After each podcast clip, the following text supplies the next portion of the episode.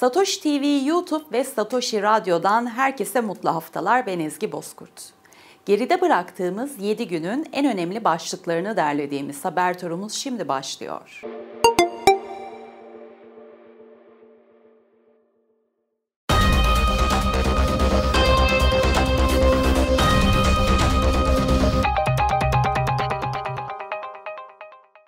ABD'li senatörler Bitcoin madenciliğinin çevresel etkisinin araştırılmasına yönelik yasa tasarısını sundu. Yasa tasarısı madencilik operasyonlarının Şili veya Bangladeş gibi ülkelerin yıllık enerji tüketiminden daha fazla elektrik tükettiğini belirtiyor. Senatörler sundukları yasa tasarısında madencilere yönelik yeni kurallar önerirken madencilik tesislerinin gerekli izinler olmadan faaliyet gösterip göstermediğinin de incelenmesini talep ediyor. ABD'li senatör Cynthia Lummis gerçekleştirdiği bir röportajda Amerika Birleşik Devletleri yasalarının emeklilik planlarında Bitcoin'i de entegre etmesi gerektiğini belirtti.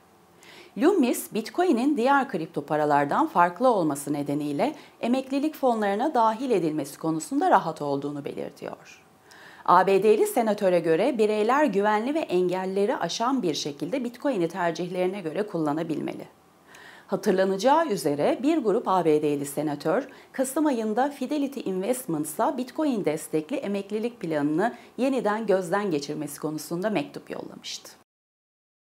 Bitcoin madencilik şirketi 360 Mining 2.25 milyon dolarlık yatırım aldı. Yatırım doğal gaz üretimi ve madencilik kapasitesini arttırmak amacıyla kullanılacak. Bir başka Bitcoin madencilik şirketi olan TeraWulf, borçlarının bir kısmını geri ödemek için 10 milyon dolar topladı. TeraWulf bununla birlikte daha önce yapılan 8200 makinelik anlaşmayı da yeniden yapılandırdığını duyurdu. Afrika merkezli hidroelektrikle çalışan bir kripto madenciliği projesi olan Gridless Compute, Twitter hesabından projesi hakkında duyuruda bulundu. Buna göre proje 2000 kişinin enerji ihtiyacını karşılarken enerji maliyetini de %60 düşürüyor. Gridless CEO'su Eric Hersman'a göre Afrika kıtası hem enerji üreticileri hem de madenciler için mükemmel bir kar potansiyeli sunarken topluluklar üzerinde gerçek bir pozitif etki de yaratıyor. Coin Corner ve Bitnop arasındaki yeni ortaklıkla birlikte Nijerya, Kenya ve Gana'daki insanlar artık Bitcoin Lightning aracılığıyla Avrupa Birliği ve Birleşik Krallık'tan yerel para birimi cinsinden anında düşük maliyetli havaleler yapabilecek. Varlıklar Lightning Network aracılığıyla Bitcoin'e dönüştürülüyor. Ardından hızlı bir şekilde yerel para birimine çevrilerek doğrudan alıcının banka hesabına veya mobil para cüzdanına yatırılıyor. Global Espor Federasyonu'nun en büyük etkinliği olan ve ilki geçtiğimiz yıl Singapur'da düzenlenen Global Esport Games 15-17 Aralık tarihlerinde İstanbul'da düzenleniyor. Organizasyon 68 farklı ülkeden 400'ün üzerinde espor oyuncusunu bir araya getiriyor. Global Esport Games'in ilk gününde gerçekleşen GEFCON'da ise Aralarında BTC Türk CEO'su Özgür Güner'in de konuşmacı olarak yer aldığı e-spor, spor, teknoloji, iş, akademi çevresinden katılımcılar yakın gelecekte e-sporu tanımlayacak fikir ve stratejileri değerlendirdi. Şimdi ise Global Esport Games'in ilk gününden röportajları ekrana getiriyoruz. My name is Akmal. I'm from Uzbekistan, Team Uzbekistan. I'm the vice president of uh, Cyber Sport Association. From my perspective, uh, as I see that uh, Turkey is like uh, it's a one of the uh, biggest country in this in this sport. So uh, in every kind of types of sport like PUBG, uh, CS:GO, and other kind of sports, I see the very good potential. My name is Shohroz. Uh, my nickname is Yakuza. I have 700,000 subs on my YouTube channel and 1 million on my TikTok. So I'm PUBG player. 17 years old. I'm a young people too. My motivation for, for all of them is uh, do what they like and parents never like sometimes parents uh, don't like what the son doing. Like he's playing PUBG Mobile in phone, he's not studying, and it's not good for the son. Everybody who's young. My motivation and my uh, like uh, do what they like, do what you like, and right now in Kiber Sports, Cyber Sport, there's a lots of prize of pool, like one million, two million dollars. If they win, they will like. Um, buy a house for the parents, buy a car for the parents, and this is a big motivation, like, like in money, and you can get subscribers and be famous too. My name is Nathanisha Puasiro. Uh, we are from Thailand for the Dota 2 Women. Our team just want to like uh, gain the experience, and of course we want to be a champion of this tournament. I think first one is um, you have to enjoy in the game first, and then you will feel like sometimes you will feel like oh I want to be like more than just a gamer, and then you will become to practice more. Yeah, the motivation is gonna be like oh we have to we want to uh, win, like um, how do I say it's the begin with the in our country, and then we want to like play more to go to the other tournament in another country. So yeah, we just want to be a champion in a lot of Bitcoin gündemine dair gelişmeleri aktardığımız haber turumuzun ardından BTC Türk Kurumsal Müşteriler ve Tezgah Üstü İşlemler Direktörü Ozan Yeniçeri'ye bağlanıp güncel ekonomi ikliminde Bitcoin yatırımlarının nasıl şekillendiğini soracağız. Ozan Bey merhabalar, hoş geldiniz. Merhabalar, iyi yayınlar. Teşekkürler. Kurumların Bitcoin yatırımları bu iklimde nasıl şekilleniyor sizden dinleyebilir miyiz?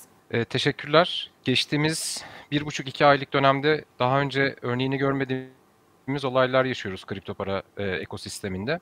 Ama aslında bunlar ne blockchain'in e, kalıcılığını etkiliyor ne de ekosistemle ilgili olarak herhangi bir olumsuz sonuç doğuruyor. Aslında görmüş olduğumuz şey aktörlerde e, aktörler kaynaklı bazı gelişmeler. Bu da aslında geleneksel finansal piyasalardaki olayların bir nevi yansıması şu anda. Benzer aktörler yer alıyor. Dolayısıyla birazcık çalkantı var. Birazcık daha volatilite artmış vaziyette.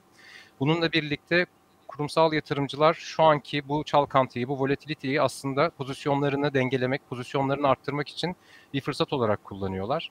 İkiye bölüp Türkiye özelinde ve global olarak değerlendirmemiz gerekirse Türkiye tarafında zaten biz geçtiğimiz bir, bir buçuk yıllık dönemde kurumlardan çok ciddi bir ilgi görmeye başlamıştık. Bu ilgi hala artarak devam ediyor. Birçok şirket uzun vadeli yatırım planları içerisinde farklı bir e, varlık sınıfı olarak kripto paraları ve bitcoin'i konumlandırmak amacıyla hesap açma talepleriyle bize geliyorlar.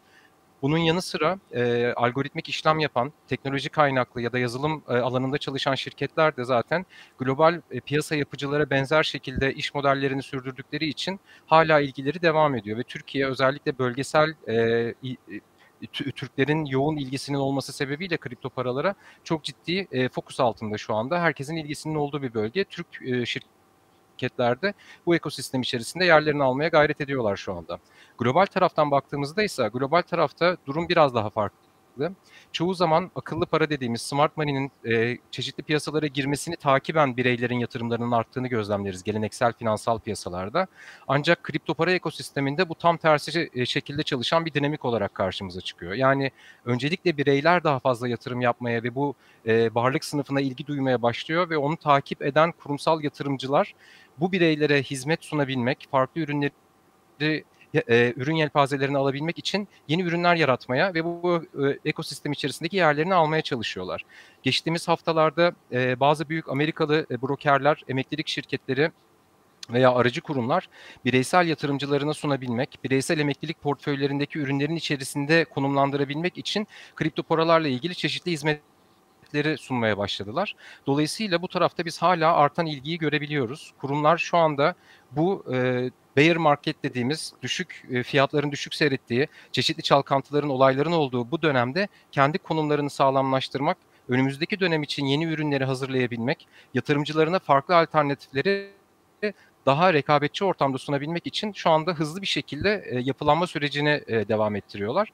Bunun yanı sıra da varlık e, sınıfı olarak portföylerinde Bitcoin tutan şirketlerin veya kurumların da bu pozisyonlarını kimi zaman dengelemek amacıyla alım satım yaptıklarını, türev ürünlerle mevcut bilançoları üzerindeki etkileri yönetmeye çalıştıklarını e, e, e, takip ediyoruz. E, son iki haftalık dönemde ise Bitcoin özelinde konuşuyoruz konuşacak olursak Bitcoin'e aslında net bir giriş gördük. Bunun yanı sıra da Bitcoin'in fiyat düşüşüne yatırım yapan çeşitli enstrümanlardan da çıkışlar gördük. Yani aslında düşüşün gerçekleşmesi, beklenilen düşüşün gerçekleşmesinden sonra artık kurumsal yatırımcılar daha uzun vadeli pozisyon almaya yönelik olarak tekrar e, çeşitli Bitcoin yatırımlarını devreye almış vaziyetteler. Bizim gördüğümüz ekosistemdeki son dönemdeki gelişmeler kurumsal yatırımcılar tarafından bu şekilde e, şekillendi. Ozan Bey çok teşekkürler kıymetli katkılarınız için. Ben teşekkür ederim. İyi yayınlar. Teşekkürler. Görüşmek üzere. Bitcoin gündeminin bu haftalık sonuna geldik. Gelişmelerden haberdar olmak için Satoshi TV YouTube kanalına ve Satoshi Radyo'ya abone olabilirsiniz. Gelecek hafta yeni haberlerle görüşünceye dek hoşçakalın.